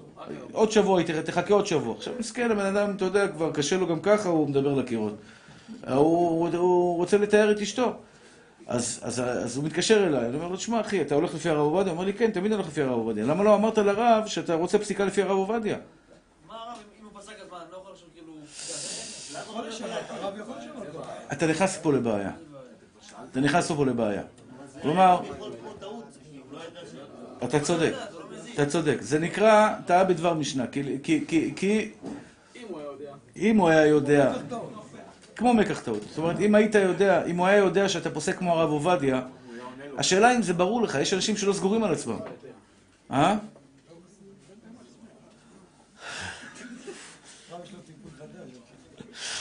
אה, אה, די, אתה מאבד את הריכוז, אליהו, מספיק כבר כיתה טיפולית שלך, אתה אגב. למשל שמע רם, הוא לא זוכר את הנוסח של הברכה. עדיף שיערער בליבו, או משהו, מה מה יעשה? כאילו לא יכול עכשיו להישאר רב. כן, שיערער בליבו. שאלה טובה שאלת. יערער בליבו. הוא רואה עכשיו קשת, מה מברכים על קשת? לא. ראית קשת, מה אתה מברך עליה? גוגל. אה, יצא לי זה הרבה פעמים. זוכר הברית, קיים בבריתו ונאמן, אני לא זוכר, ברח לי מהראש. ברוך אתה השם אלוקינו מלך העולם, זוכר הברית, קיים בבריתו ונאמן למאמרו. הרב, אם אתה... עכשיו, טוב. שאלה, שאלה אמיתית. אם עכשיו בגלל... אל תבזבז לי את הזמן, לא, דיר לא, באלק. באמת שלא, שנייה. אם עכשיו מזג האוויר נכון, קשה מאוד, נכון, גשם, מבול, הכל, ופתאום בגלל התקופה, לצערנו הרב, אה, מתפוצצים מכוניות באוויר, ועכשיו יהיה פיצוץ פתאום, זה יכול להיות פתאום רעם. זה ברכה לבטלה כאילו? חשבתי שזה. מה? שאלה אמיתית, נו, נו, במקרה, נו, מה? אתה בבית, אתה לא שם לב. אליהו, שאלה קשה, אני צריך לעיין בה. בת- בתשע וחצי תבוא לפה, אני אבדוק לך אותה. טוב. יש, יש. קרה פעם שמצלמות פלאש, יורד גשם, השאלה שלו היא מציאותית, אבל אבל, אה, איפה מתפוצצים מכוניות, דחילק? זה- כן. יבשים פה. יש, אה, עד כן. שיראו במישהו נפצע כאן. טוב, היה מקרה כזה שהרב שך, היה, הרב שך היה, הוא, הוא היה אומר שאני לא מברך על ברכת, ה, ה- ברכת הברק. כשרואים רע, מברכים, עושה, מה- שכחו גבורתו מלא עולם. כשיש ברק, מברכים, עושה מעשה בראשית. נכון? ברק, אור, ברוך אתה השם, אלוקינו מלך העולם, עושה מעשה בראשית. אז פעם הרב שך היה שקוע בלימוד, ומישהו בא צילם אותו עם פלאש. אז הוא בירך, ברוך אתה השם אלוקינו מלך העולם, אה, עושה מעשה בראשית. פתאום אמרו לו, רבי, מה, מה, מה בירכת? חשבתי זה ברק. לא, אמרו לו, זה מצלמה. הוא אומר, מהיום אני לא מברך יותר. כי הוא, הוא, הוא צודק, זה, זה מאוד שכיח. אני עכשיו יושב פה, אני רואה פה פלאש. אני רואה פלאש. באינסטינקט שלי זה לברך מיד, ברוך אתה השם אלוקינו מלך העולם, עושה מעשה בראשית. לכן, הרב משה לוי אומר שצריך, שאתה, מתי מברך על הפלאש? כשאתה רואה אותו בשמיים. עכשיו, אם למשל יורד גשם, אני, אני הקטן אומר ככה, אם אתה יורד גשם, ואתה שומע בום בום בום, ואתה רואה אור בחוץ, תברך, אפילו שאתה לא רואה את הברק למעלה בשמיים, תברך, בסדר. ראית את, הברק, תברך. ודאי וודאי אם אתה נוסע באוטו ואתה רואה ברקים בשמיים, ודאי תברך על זה. אחד, או, אם מצלמה צילמה אותך על מהירות, תברך ברוך שחיסר ממוני בידי, השתבח שמו, ל- שלקח לי את הכסף מה- מהארנק. אה, והוסיף לי נקודות וכל החבילה שבאה ביחד. טוב, אבל אם שומע רעם, האם יש לחשוש, זו השאלה של אליהו, האם יש לחשוש לפיצוץ של מכונית שהתפוצצה? התשובה היא לא חיישינן. לא חוששים ממכוניות שמתפוצצות אליהו, ממי שלי, בסדר? אוקיי, נמשיך הלאה רבותיי. נמשיך הלאה. אה, אה, לגבי הדין של, אה, לגבי הדין של ספק. אז קודם כל אומרת הגמרא, מי שלא יודע מה מברכים, שילך לרב. והיום יש לך גוגל, אמרתי לכם, גם בגוגל, לא כל הרבנים שמופיעים בגוגל, אתה יכול לסמוך עליהם. יש שם רבנים שאתה לא, לא, לא, אנחנו לא סומכים עליהם, אנחנו לא יודעים, לא מכירים אותם, לא, צריך שיהיה רב בר סמכה. רב תלמיד חכם שהוא מורה הוראות, בקיא בהלכות. לצערנו הרב, יש רבנים שבעוונות הרבים, למשל שאלו אותו אם מותר ללכת לסרט שיש שם דברים לא צנועים.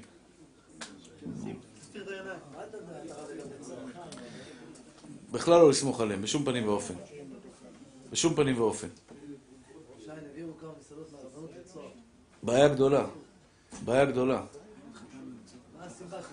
אה, התחתנת בצוהר?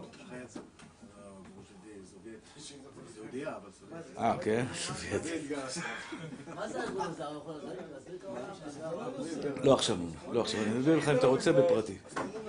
תשמעו צדיקים שלי. לא, לא, לא, לא. לא, אי אפשר להגיד שהוא לא נשוי. אסור להגיד כזה דבר. זה אשת איש, זה משחק, משחק באש, אסור להגיד כזה דבר. מי שהתחתן, כן, אבל מי שהתחתן בכל מיני זה, צריך לשאול שאלת חכם. יכול להיות שקידשו אותך כדת וכדין, אתה מבין? יכול להיות שיש שם עדים כשרים, אבל לא כל אחד שיש לו מודעה באינטרנט, שהוא כותב תשובות בהלכה, הוא יכול לסמוך. הנה, רב אמרתי לכם. אה, שאלו אותו אם מותר לראות סרט, ובאמצע הסרט יש דברים לא צנועים. אז הוא אמר שיעצום את העיניים. השאלה היא עד שיעצום את העיניים. כן, הוא מתחיל לראות נגיד משהו לא צנוע. הוא... כן, פתאום... אתה מבין? קשה, מה, איך אתה יכול לסמוך על כזה דבר? הרחק מן הכיעור, הגמרא אומרת הרחק מן הכיעור ומן הדומה לו. אם אתה יודע שיש רחוב שיש שם בלאגן, אסור לך להיכנס אליו. אל תלך לשם. למשל, אדם הולך לחוף הים, ועוצם את העיניים, עושה שמיר עשה העיניים, שמיר עשה העיניים. לך מהביתה, מה אתה יושב פה בחוף הים, מסתכל לשמירת העיניים? מה אתה מסתובב פה במקום כזה? נכון, הרב מאיר? לא צריך להסתובב במקום שיש בעיה. אז לפעמים יש רבנים שיהיו בריאים, שהדרך שלהם היא לא דרך המסורה לנו מרבותינו, וצריך להיזהר שלא לשאול אותם, לא להתייעץ איתם. כי זה יכול חס ושלום לגרום למכשול. המגן אברהם אומר שאם אתה שואל, למשל, שואל רב שהוא קל דעת, לצערנו הרב, יש כאלה, שהם רבנים במשרה שלהם, אבל לא בידע שלהם. אתה מבין? ביראת שמיים שלהם. כתוב בגמרא, אם דומה הוא למלאך השם צבאות, כי, כי, כי שפתי כהן ישאלו דעת ותורה יבקשו מפיהו. אומרת הגמרא על הפסוק הזה, אני חושב במלאכי, שהגמרא אומרת, אם, אם דומה הוא למלאך השם צבאות, דרשו תורה מפיהו. אם לא דומה הוא למלאך השם צבאות, אל תדרשו תורה מפיהו. מה הכוונה? אם יש בו יראת שמיים אמיתית, והוא באמת נזהר קלה כבחמורה, והוא מה שנקרא, מה ששומר על נפשו ובכל מאודו לשמור על ההלכה, ויש לו, הוא מפחד מבורא עולם, יראת הרוממות, אז דרשו תורה מפיהו. אבל אם הוא קל, הוא, פתאום אתה רואה אותו, אחד אמר לי, הוא רואה שהוא לוחץ יד לאישה בצורה כזאת לא צנועה, פתאום הוא עושה לגברת, ככה שם לה יד על הכתפיים. הלו, מה זה? איפה הגעת, נשמה? איפה הלכת? אסור לשאול אותו הלכות. זה, זה ברור, זה לא בסדר. אתה מבין? חס ושלום. חס ושלום. טוב, אז נסכם את ההלכה, רבותיי היקרים. נסכם את ההלכה. אדם שיש לו, לא יודע הלכות ברכות, צריך לשאול את הרב. אבל נגיד נתקעת בבית עכשיו. אין לך רב, לא יודע, שבת. אין לך אפשרות, לא טלפון, לא כלום. אה, אתה רוצה לדעת מה מברכים על ה- על הדבר הזה. אם זה ספק עץ, ספק אדמה, לא יברך שהכל, יברך אדמה. אבל אם זה, הוא לא יודע אם זה אדמה או זה, יברך שהכל. הבנתם? מרן אומר יברך שהכל. אבל צריך להכניס פה, שזה רק במקרה, באיזה מקרה? שזה ודאי לא עץ ולא אדמה. רוב השאלות שיש לנו, אפילו שאלתי את הילד, דברים שהכל הוא ידע. למשל, פטריות. מה מברכים על פטריות? מה מברכים על פטריות? שהכל. יש אנשים שיכולים להתבלבל בזה. בעל תשובה חדש, מה הוא, מה, מה, לא ידעת מה מברכים על פטריות. הנה, אז עכשיו אני אומר לך ש... טוב. אתה לא אוכל, אבל במקרה והיה לך פטריה, מה, מברכים על הפטריות? שהכל נהיה בדברו. כן? למזונות? מה? דיברנו על זה. לא, עכשיו כאילו אתם מדברים על אדמה, עץ ושהכול. אז אם אני לא בטוח אם זה מזונות אה, שאלה יפה, שאלה יפה. היה לי את זה עם זה, לא שתיתי עד ששאלתי איזה חמוד אתה. הייתי כבר בדרך. איזה מתוק הוא. כן, ברוך השם הוא כבר שומר, התחיל לשמור, ברוך השם, איתנו. כל הכבוד, כל הכבוד. אז, אה, אתה לא יודע כמה אלוקים שמח בך. השבת הזאתי, עשית חריץ גדול למעלה בשמיים של שמחה. הקדוש ברוך הוא השתבח שמולד, הוא מסתכל עליך ומנשק אותך נשיקות גדולות על זה שאתה שומר שבת, על זה שאתה ברוך השם מברך. אני מתרגש ממך. תאר לך כמה הקדוש ברוך הוא, אני סך הכל בשר ודם. הקדוש ברוך הוא שזה התורה שלו. כן, כן, ברוך השם, בן פורת יוסף, יש לו נשמה יהודית, ממקשיב, באמת, ברוך השם. כל מי שמתחזק, אני מתפעל מבעל תשובה שמתחיל לשמור שבת, מתחיל לעשות דברים, אה, ישראל, אני אמרתי לך. הוא רוצה צומי קצת, הוא רוצה צומי קצת. 24 שעות. איתי היקר, שתדע, אני אומר לך את זה בפעם המאה. אני לא אוהב אותך, אני מעריץ אותך. מעריץ אותך. שתדעו, אני באמת אומר את זה מעומק ליבי, והוא יודע את זה. הבן אדם הזה, כמה כבר? 20? 20 שנה? 15 שנה. לפני 15 שנה הוא הגיע לפה, משקפי שמש, good looking guy, אבו ענתר כזה, השתבח שמו לעד, לא רואה אף אחד מסנטימטר, לא שבת, לא כלום, בחורות, טללים, טללם, טללם. לאט לאט, לאט לאט, לאט לאט, וכל פעם שהוא היה בשיעור, לא אמרתי כלום עד שבת.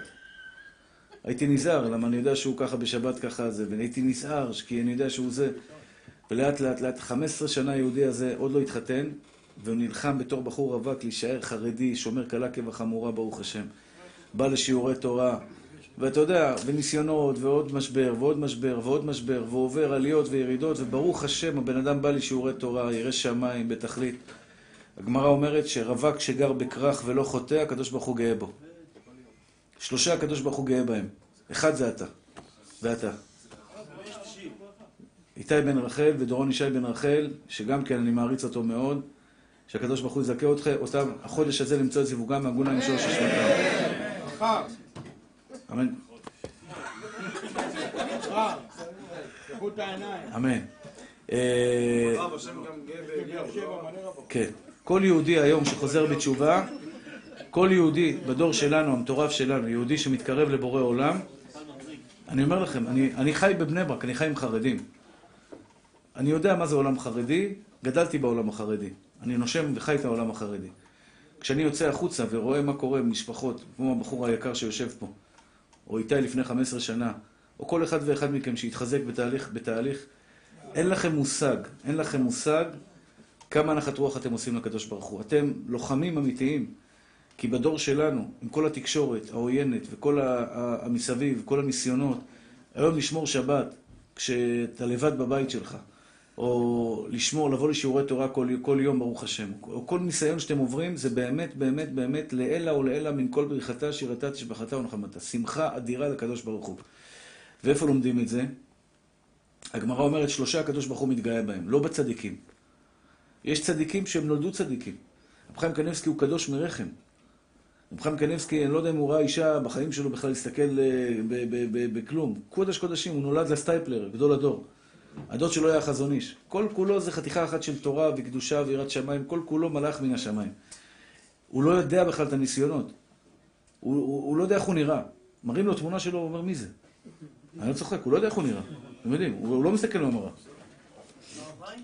כן, רב חיים גנסקי לא יודע, הוא ראה פעם, היה כותב קופה, אה, אה, קופה, אה, קופת העיר. היה מודעות של רב חיים גנסקי, הוא אמר, מה זה, הקופה של העיר? מה זה הקופה של העיר? זה הקופה של העיר? הוא חשב שכתוב קופת העיר. הקופה של העיר. הוא הסתכל על התמונה, אמר, מי זה שהוא קופת העיר? הוא לא, לא מכיר את עצמו, זה קדוש. בן אדם שגדל בפתח תקווה, במקומות כאלה, וחוזר בתשובה, עין לא ראתה אלוהים זולתך. כמה נחת רוח אתם עושים לקדוש ברוך הוא. וכל יום, לכן הגמרא אומרת ש... ש אה, שגר בכרך, רווק שגר בכרך, מה זה רווק שגר בכרך? עיר, לא באיזה מושב, במושב יש לו רק פרות ועיזים, מה יש לו? אין לו ניסיון. הוא לא רואה שם בחורות. אבל אדם, רווק שגר בעיר, בעיר, אקשן, בנות, בחורות, מועדונים, זה, שלוותה, לא שלוותה, אמרו לי שזה מועדון שלוותה, נכון? זה, אני יודע שזה בית חולים לחולי נפש, אמרו לי, לא? זה, מה קרה? זה התחלף? אה, יש גם וגם וגם וגם. אה, כן. אז אה, לא יודע, ככה מישהו אמר לי היום, שיש איזה, אמרתי לו, שלוותה זה לא בית חולים לבריאות הנפש? אמר לי, לא, זה... כן, זה ישיבה קטנה וזה ישיבה גדולה, זה... אה, בקיצור, הרעיון, הרעיון בזה שרווק שגר בעיר, וברוך השם שומר על עצמו בקדושה, בטהרה, ביראת שמיים טהורה, ברוך השם משתבח ויתעלה שמו לעד, הקדוש ברוך הוא מזכה אותו וגאה בו. הקדוש ברוך הוא מתגאה בו, אומר, על מלאכי השרת תראו איזה בן יש לי שם למטה. שברוך השם שומר על עצמו בקדושה ובטהרה. לכן, נסכם את, ההלכה שפה דיברנו עכשיו. בן אדם שמסתפק על ברכה שמברכים, מסתפק על מה מברכים. אם זה פרי, בטוח גדל בעץ או באדמה, רק הוא לא יודע בעץ או באדמה. לא יברך שהכל, יברך אדמה. יש לנו כלל, אדמה פותר העץ. אפילו שיש ברמב"ם, גרסה ברמב"ם שהאדמה לא פותר את העץ, יש גרסאות של אה, תימנים אה, מדוקדקות, תימנים יש להם גרסאות מאוד מדוקדקות של הרמב"ם, כמו הרבה לומדים ברמב"ם, אתם יודעים שהתימנים בהרבה דברים הולכים כמו הרמב"ם, עד כדי כך שהוא, שהוא היו אומרים, בקדיש שלהם, הרמב"ן מעיד שהתימנים היו אומרים בקדיש שלהם, בחייכון ובחיי דחול, בחיי... אה, אה, התגדל ותגדל שבעל מד ורק כותב אל מותרנו לזרום גונב וקרב ושירי וחייכון וביום יחון וחיי דכל בית ישראל ובחיי מורנו ורבנו ועטרת ראשנו רבי משה בן מימון בעגלה ובזמן קריב עמו אמן. בתוך הקדיש הם הכניסו את רבי משה בן מימון. כן. כן. לא, היום לא. הוא נפטר כבר, מה יגידו את זה? אבל אני... כשהוא היה חי, הוא שלח להם את איגרת, אה, הוא שלח להם איגרת תימן, איגרת המפורסמת של איגרת תימן. הרי אצל התימנים היה בעיה של הרבה משיחי שקר. לא, הוא לא תימני, הוא ספרדי, הוא ספרדי, הוא נולד בספרד, אבל, אה, אבל, אה, אבל התימנים בזמנם היה להם בעיה קשה של אה, משיחי שקר. הם היו הרבה מתעסקים בקבלה. לצערנו הרב, הרבה מקובלים באים ואומרים, אני משיח, הוא, מתחיל, הוא עושה כל מיני דברים בקבלה מעשית. אמרו לי שבתימן היו, קבלה מעשית היה דבר ששכיח מאוד. באמת, היו משביעים מלאכים חופשי חופשי, כל בן אדם, יעני, כל בעל מכולת, כל בן אדם זה, בן אדם פשוט, לא רק התלמידי חכמים, היו משביעים מלאכים, ברמה של קדושה מאוד מאוד נוראה. אבל מצד שני היה גם סטרה אחרא. אנשים שהשתמשו בזה לסטרה אחרא. אז הם היו הרבה, אה, פקרו, רצו להתאסלם, רצו זה, כל מיני בעיות שהיה להם שם בתימן, והרמב"ם שלח להם איגרת תימן, וברוך השם, החיה נפשות. החיה נפשות, בורא נפשות רבות וחסרונן. הציל אותם, רק, אה, והציל אותם באיגרת תימן. הציל אותם באיגרת תימן, ולכן התימנים באמת, בתימן, הרבה הרבה מפסקי ההלכה, הם הלכו כמו רבנו הרמב"ם. למה סיפרתי לכם את זה? אני לא זוכר. מה, למה הבאתי את זה? באיזה הקשר זה בא? הוא רומז לי לסיים. אה, כן. אז יש גרסאות מדוקדקות ברמב"ם, של התימנים, שהתימנים הביאו מתימן, שהרמב"ם, בכתב, בחתימת ידו של הרמב"ם, ספר מוגה על ידי הרמב"ם, שאם ברך על, בורא, על עץ אדמה, יצא. לכן כיוון שלכולי עלמא, אם ברכת על, על העץ אדמה יצאת, אם יש לך ספק אם זה עץ או אדמה, למשל הרב מאיר, פסיפלורה, עץ או אדמה, ש... כל הכבוד. פסיפלורה, מה מברכים על פסיפלורה? בורא פרי אדמה, יפה מאוד. אז פעם לא ידעתי את זה. הביאו לי פסיפלורה, לא ידעתי באמת מה זה פסיפלורה, לא היה לי מושג איפה זה גדל, מה זה גדל, האם זה שיח, זה עץ, לא ידעתי, בירכתי עליו בורא פרי האדמה. כשיש לך ספק אם זה עץ האדמה, בורא פרי האדמה. למשל, strawberry, strawberry זה תותים. יש blueberry ויש אה, עוד אחד. לא.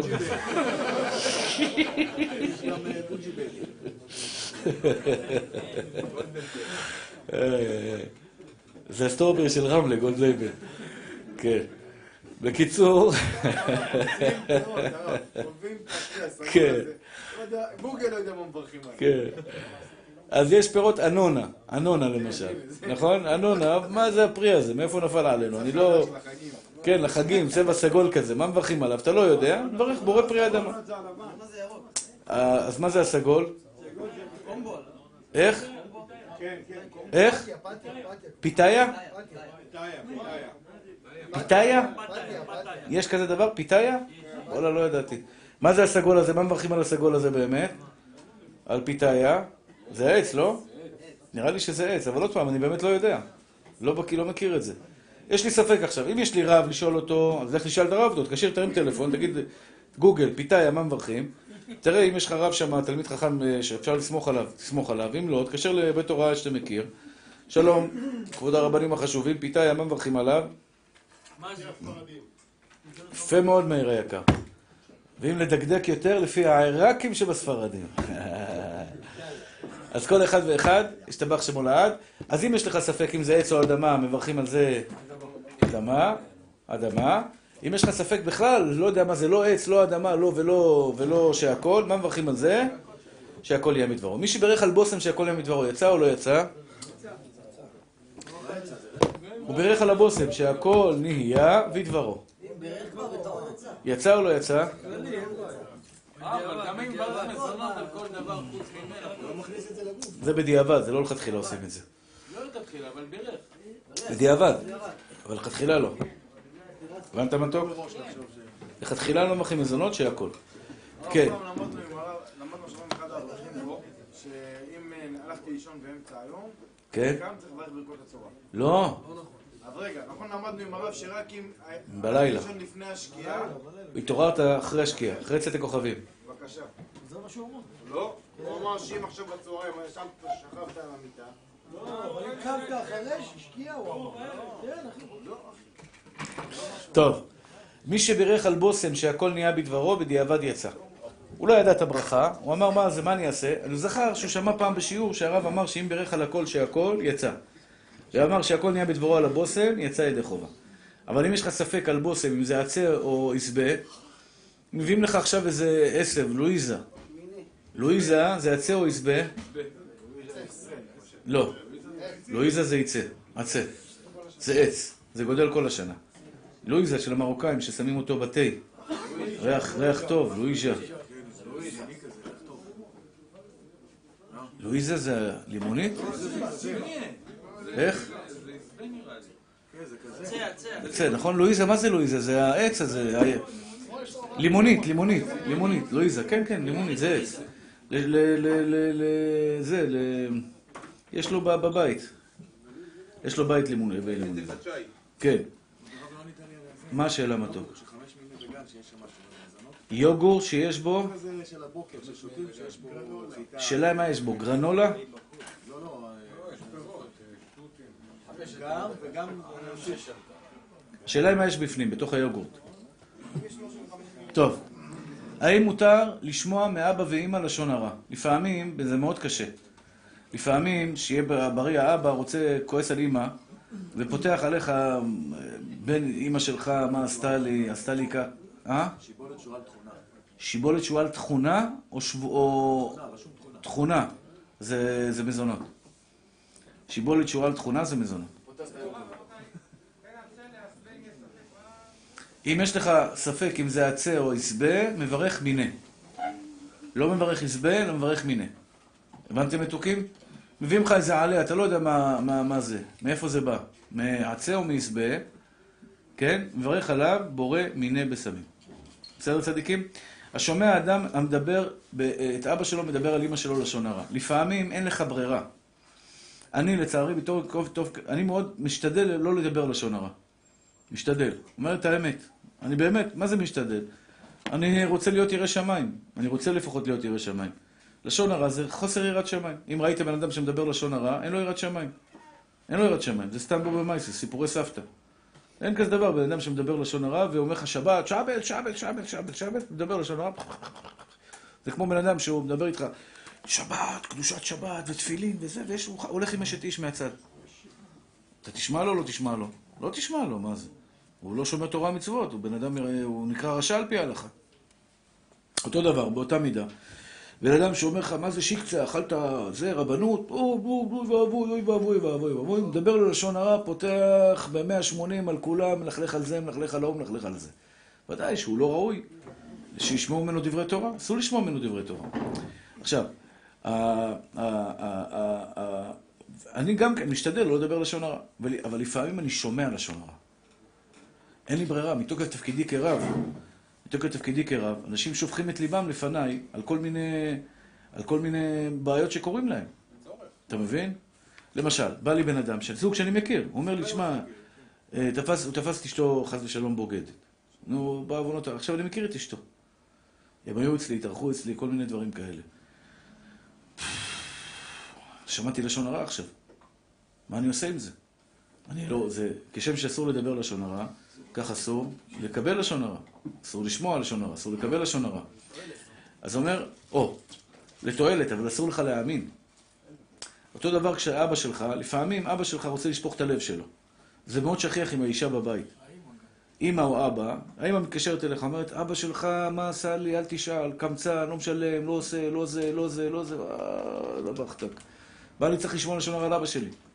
אתה מבין מה אני צריך להגיע למקום הזה? אבל מצד שני, מי, מי ישמע את אמא שלי מסכנה? היא רוצה לשפוך את, את, את מה שהיה ליבה, או לשפוך את, לשמוע את האבא, או לפעמים זה האבא והאימא מדברים על השכנים. אתה מבין, כיבוד אב ואם זה באמת ניסיון מאוד קשה. מה עושים אם יש ארוחה ובארוחה... בארוחה מתחילים לדבר לשון הרע. הלכתי, אמרו לי, "אתה הולך לשירותים רגע, תעזבי." כן. אה? זה מאוד קשה. משפחה, מתחילים לדבר לשון הרע. אני, ברוך השם, אצלי במשפחה... כן, כן, אתה כן. מקשיב, אתה לא. כן, אבא שלך ואבא שלך. 500 שנה, לא דברים. כמו שמגיעים כן. לרב ומספרים סיפור, באמת הרב מכיר, כמו שהרב הרב מכיר את האישה שלו, איך אפשר באמת לא להאמין? לא אפשר להגיד אני אדום לו אותה לכף זכות. אבל איך- זה קו צחוק מה שהוא מספר. לא, אבל מה זה לא להאמין? הוא שומע מכלי ראשון, הוא יודע שזה נכון. לא, איפה אני יודע שזה נכון? לא, מאמי שלי, ממש לא. ממש לא. אני למדתי, למדתי, שמוע בין אחיכם ושפטתם צדק. אני לא מאמין לאף בן אדם שמלכלך על בן אדם אחר. אני אומר, כשאני אשמע את הצד שלו, זה יתהפך לצד השני. מי שמלכלך, מי שמלכלך, אני באופן טבעי נאטם מבפנים.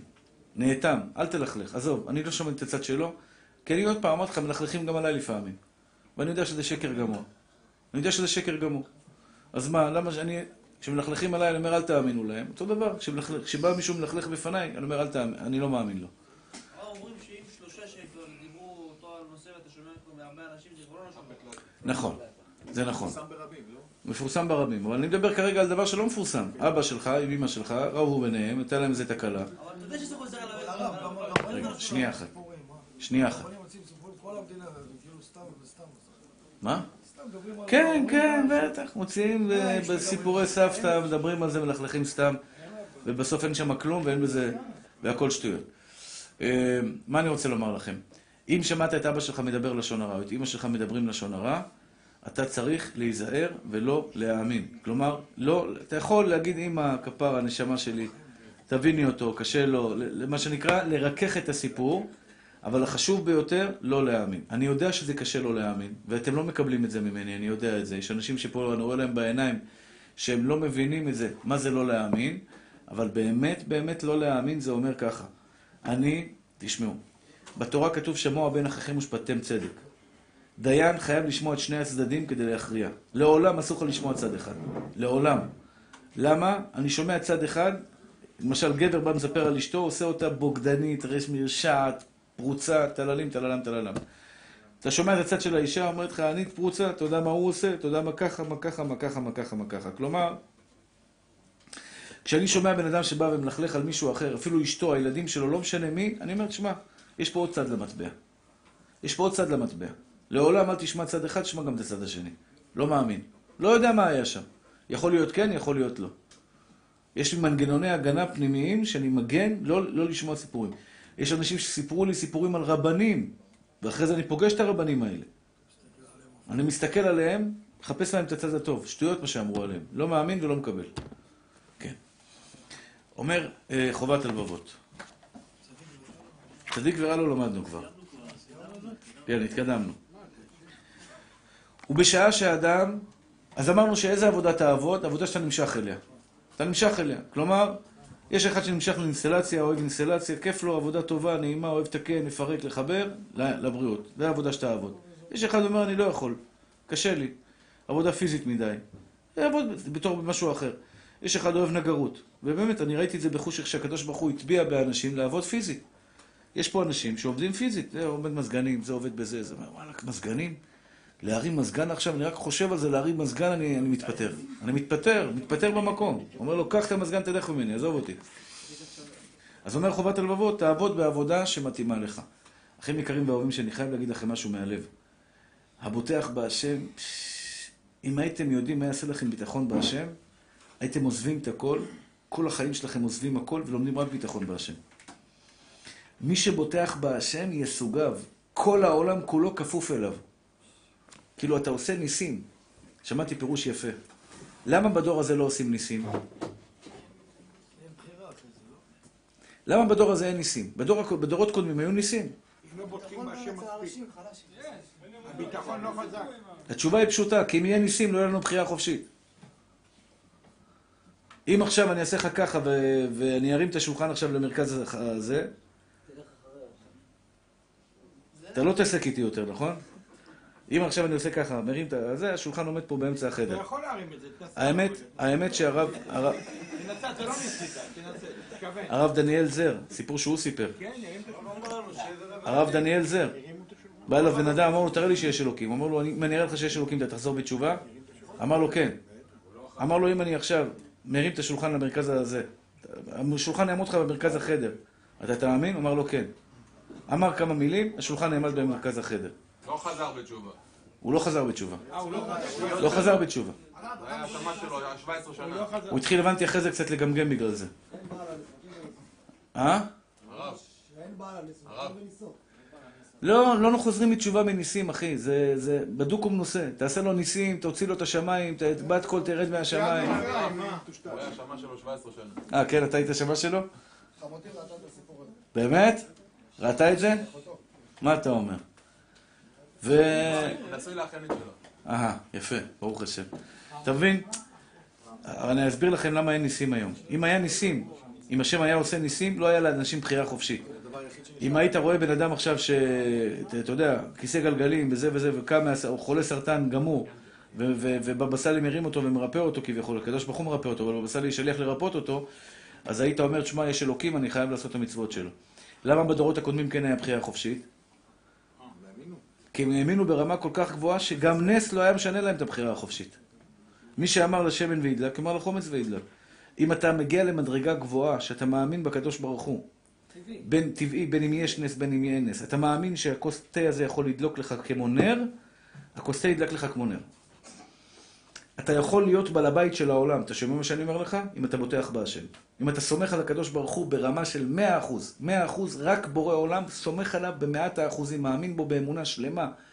בכל דבר בחיים שלך, אתה יכול, כל העולם, כל מה שתרצה בחיים שלך יהיה לך. כל מה שתרצה בחיים שלך, סוד ההצלחה בחיים זה ביטחון בהשם. הכל יש לך שם. אנשים לא קולטים את זה. והראיה, אני אומר להם, תלמדו כולם חובת הלבבות, שער הביטחון. לא מקשיבים לי. אני אומר לך, זה, זה סוד ההצלחה שלך בחיים, נשמה. אתה יכול לשנות את, את, החיים שלך בהכל. וכל אשר יעשה יצליח. מה אתה רוצה יותר מזה? מישהו הבטיח, מישהו הבטיח לכם פעם שכל מה שתעשו בחיים שלכם תצליחו? אני עומד ואומר לכם, כל אשר תעשה תצליח. תפתח בהשם. כדי לפתוח בהשם אתה חייב כל יום ללמוד חובת הלבבות. הנה, יש פה ספר, חובת הלבבות, שער הביטחון, בקלה, כתבתי אותו בשפה הכי קלה שאפשר, ואני אביא לכם בעזרת השם, בלי נדר. אתה לומד אותו יום-יום, אחי. יום-יום, יום-יום, בלי הפסקה, מובטח לך שאתה מסודר כל ימי חייך. כל יום אתה לומד בצורה... יש בורא לעולם. בראשית ברא אלוהים. אתה מבין את המשפט בראשית ברא אלוהים את השמיים ואת הארץ? אם אתה מבין את המשפט הזה, עמוק עמוק בתוך המוח, אתה סומך עליו, אחי, יש לך הכל. מה שתרצה. לאן שתרצה. אתה רוצה להיות רב, תהיה רב. תהיה מזכה הרבים, מזכה הרבים. כסף, כסף. בריאות, בריאות. מה שאתה רוצה, משדד מערכות הטבע, נקודה. היה ויכוח בין, בין הרב סלם מסלנט לרשש. שעון, על שעון. שאחד אמר שאם הוא בוטח בקדוש ברוך הוא על מותרות, הרשש אמר שאם הוא בוטח בקדוש ברוך הוא על מותרות, הוא לא יקבל. ורבי סלם מסלנט אמר, אם אני בוטח על מותרות, גם על מותרות אני אקבל. גם על מותרות. מה, הוא אומר לו, אני צריך שעון עכשיו. שעון זהב. לא שעון רגיל, שעון זהב. אני בוטח בקדוש ברוך הוא שיביא לי שעון זהב. שעון גם אפשר שעון רגיל, למה צריך שעון זהב? אני בוטח בהשם שיביא לי שעון זהב. ישבו בבית המדרש, אחרי חמש דקות נכנס בן אדם לחדר, לבית המדרש, אומר שאח שלו נפטר, והוא אמר שהוא רוצה לתת את זה לרשש, שהרשש אמר שזה לא, אסור לעשות את זה. אני נותן את זה לרשש, שהוא יעשה עם זה, ייתן את זה לתלמיד חכם, שיהנה משעון זהב. הרשש לקח את השעון, אמר לו, בבקשה, רבי סלם מסלנט, צדקת. אפשר לפתוח בקדוש ברוך הוא גם במותרות. שלא יקלקלו אותך. אמרתי לך, אם תפתח בקדוש ברוך הוא לקבל יאכטה, אתה תקבל יאכטה, מה תעשה עם יאכטה, אחי? כל הנשב ביאכטה, תעשה מנגל? לא תלמד תורה, לא יצא ממך כלום. מדובר פה על שאתה עושה את זה לכבוד השם יתברך, בצורה רצינית, בצורה טובה, בצורה מחושבת. אתה עובד בצורה הגיונית. אבל אם אתה בוטח בהשם, חסד יסובב אותך כל החיים, אחי. חסד יסובב אותך כל החיים. תפנימו את זה, תשני, תקשיבו מה שאני אומר לכם. זה ישנה לכם את החיים. אני מדבר ואנשים לא קולטים. יש אנשים, אתה יודע, שקנו בהרצליה פיתוח לפני 30 שנה. אני מכיר ברחוב פרסי אחד. קנה שטחים בהרצליה פיתוח בכלום, בגרושים. גרושים. היום מוכר כל אחד ב-15 מיליון, 16 מיליון, חצי דונם. 15 מיליון, 16 מיליון, חצי דונם ככה, ריק. זה אנשים שאין להם חוש עסקי בריא. פלורנטין בתל אביב, דירות נמכרו שם כמו זבובים, כלום, סתם. היום כל דירה עולה שם 4 מיליון שקל. דירת שני חדרים, שלושה חדרים, 4 מיליון שקל. שלושה, שלוש וחצי מיליון שקל. היו יש אנשים שיש להם חוש עסקי. אבל הבית של השטח שלנו ביביע עומר קנה אותו ב-40 אלף דולר. היום הוא שווה 10, 12, 14 מיליון, 13 מיליון. זה חוש עסקי. עכשיו, אני מדבר אליכם, למי שיש חוש עסקי, אומר, תשמע, הרב אמר משהו מאוד חזק היום.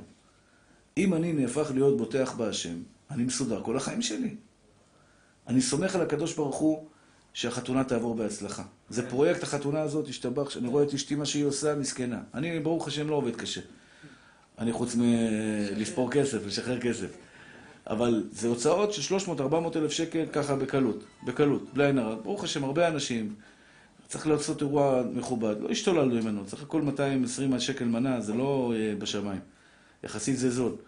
אבל אה, עוד פעם, ברוך השם, אלף, יותר מאלף איש, כל ה... וזה. ואני אני באמת באמת יודע וסומך על הקדוש ברוך הוא בישועתו שכל מה שחסר לחתונה הזאת יגיע והכל יהיה כמו שצריך והכל יהיה בקידוש השם ובעזרת השם בנחת ובשלווה. אומר לך, חובת הלבבות, אשליך על השם יאהבך והוא יכלכל לך. וכל דבר, בחינוך הילדים, בשידוך לילדה, ברוך השם. בשידוך לילדה, שזה גם כן קריאת ים סוף. מזווק זיווגים זה קריאת ים סוף, קשה קריאת ים סוף. שיבוא בחור טוב, משפחה טובה. אתה יודע, לפעמים בחור טוב, משפחה לא טובה, לפעמים בחור לא טוב, משפחה טובה. אתה מבין? זה ניסיון לא פשוט. אם אתה זורק את זה לאט לאט, אתה לומד לסמוך על בורא עולם, אתה לומד לסמוך על הקדוש ברוך הוא בכל מעשיך, בכל דרכיך. יש לך אבא גדול, סמוך עליו אחי, סמוך עליו. כל, באינסטינקט שלך תסמוך עליו. קשה לך פה, אתה נוסע בכביש, תסמוך עליו שתגיע, שתגיע בזמן. תסמוך עליו שהעבודה שלך תהיה עבודה טובה. וכשאתה הולך לעבוד, אומר חובת הלבבות, הוא צריך לכוון שהוא עושה זה בגלל ציווי השם יתברך. אתה קם לעבודה לא בגלל כסף. כסף הוא נותן. אתה הולך לעבוד כי השם ציווה עליך לעבוד. הוא אומר חובת הלבבות זה חלק מהסגולות, סליחה, זה חלק מהסגולה לפרנסה בשפע, וכשאתה הולך לעבוד, אתה מכוון בזה, אני עובד כי השם ציווה אותי לעבוד. אני לא עובד בשביל להרוויח כסף, כי את זה הקדוש ברוך הוא נותן לי את הכסף, הוא אחראי על הכסף. אני עובד כי השם ציווה עליי לעבוד, זה הכל. זה מה שאומר חובת הלבבות. בשעה שיוצא אדם לעבודתו, הוא צריך לכוון שהוא עושה את זה בגלל הציווי שבורא העולם ציווה אותו להתעסק בענייני העולם הזה כדי להשיג פרנסתו. השם ציווה כל אחד ואחד מאיתנו, תעשה השתדלות. תעשה השתדלות. אתה תעשה השתדלות והקדוש ברוך הוא יעשה את שלו. ולכן כשאתה, ולא העבודה היא שמביאה לו הפרנסה. הרבה אנשים עובדים את ה... הם, הם, אה, כאין, כאין עובדי עבודה זרה. לא חס ושלום עובדי עבודה זרה, כאין עובדי עבודה זרה. הוא סומך על ה- הוא סומך על הבעל הבית, הוא הולך לשעות עבודה, הוא מחתים כרטיס, הוא בא לפה, הוא בא לשם, אתה יודע, עושה וזה, הוא עבד של העבודה, אומר לך הקדוש ברוך הוא, אתה עבד של בני אדם, הקדוש ברוך הוא זן ומפרנס את העולם, אני הולך לעבוד, אני לא רואה אותו ממטר בכלל. ממטר לא רואה אותו. מי זן ומפרנס אותי? מי נותן לי פרנסה? בורא עולם משתבח שם עולם, מה, מה, אתה, מה לי ולך? אין לי שום קשר אליך בכלל, שום דאגה אליך, שום דבר בעולם, רק בורא עולם יש לי בלב שלי. וזה הכי, השתבח עולם, הדבר הטוב ביותר שיכול לקרות לבן אדם עלי אדמות. שהוא סומך על הקדוש ברוך הוא. אחים יקרים, אתם רוצים, של... אתם רוצים קודם כל להצליח בחיים שלכם, תראו אנשי מכירות, אני נותן לכם את ה... זה שינה לי את החיים. שינה לי את החיים מבן אדם עני מרוד לבן אדם, ברוך השם, שלא חסר לו כלום. באמת, ברוך השם, משתבח שם הולד, הוא ממלא לי את כל חסרוני. כל חסרוני מלא. ברוך השם, השיר השמח בחלקי. ברוך השם, משתבח שם הולד. ותראו את יביע עומר, בעניין של 30 מיליון שקל, 30 מיליון שקל, אני אומר לכם, ואתם רואים אותי, איזה התרמות אני עושה? מקסימום אני אומר, רבותיי, תתרמו, זה כל ההשתדלות שלי. נוסע לחו"ל, אני נוסע בכלל לשיעורים. התרמות בקטנה, שלוש דקות, ארבע דקות, זהו. תראו אותי, מי שמכיר אותי בשיעורים ובהרצאות, אני מדבר בסוף ההרצאה שדקה, אומר מי שרוצה לתרום וזהו, שלום על ישראל, לא עושה השתדלות בכלל. והקדוש ברוך הוא שופך. שופך, השתבח שמו לעד, מידו המלאה הרחבה שירה והפתוחה. וזה רק מכוח חובת הלבבות. ביטחון בהשם, בוטח בהשם יסוגיו, הבוטח בהשם יסוגיו, הבוטח ב... זה הבטחה אלוקית. זה לא משחק ילדים, אחים יקרים. מה שכתוב בתנ"ך זה ברזל חותמת שהקדוש ברוך הוא בום, פלומבה בעולם. פלומבה על העולם. בוטח בהשם, יסוגיו. אף אחד לא יכול לפגוע בך, אחי. מצפצף על כל העולם, אף אחד לא יכול לפגוע בך. אחד קטר, משתבח שמולד, אתה חותך את, העולם הזה בהצלחה מלאה. אבל יש לך עבודה, אחי.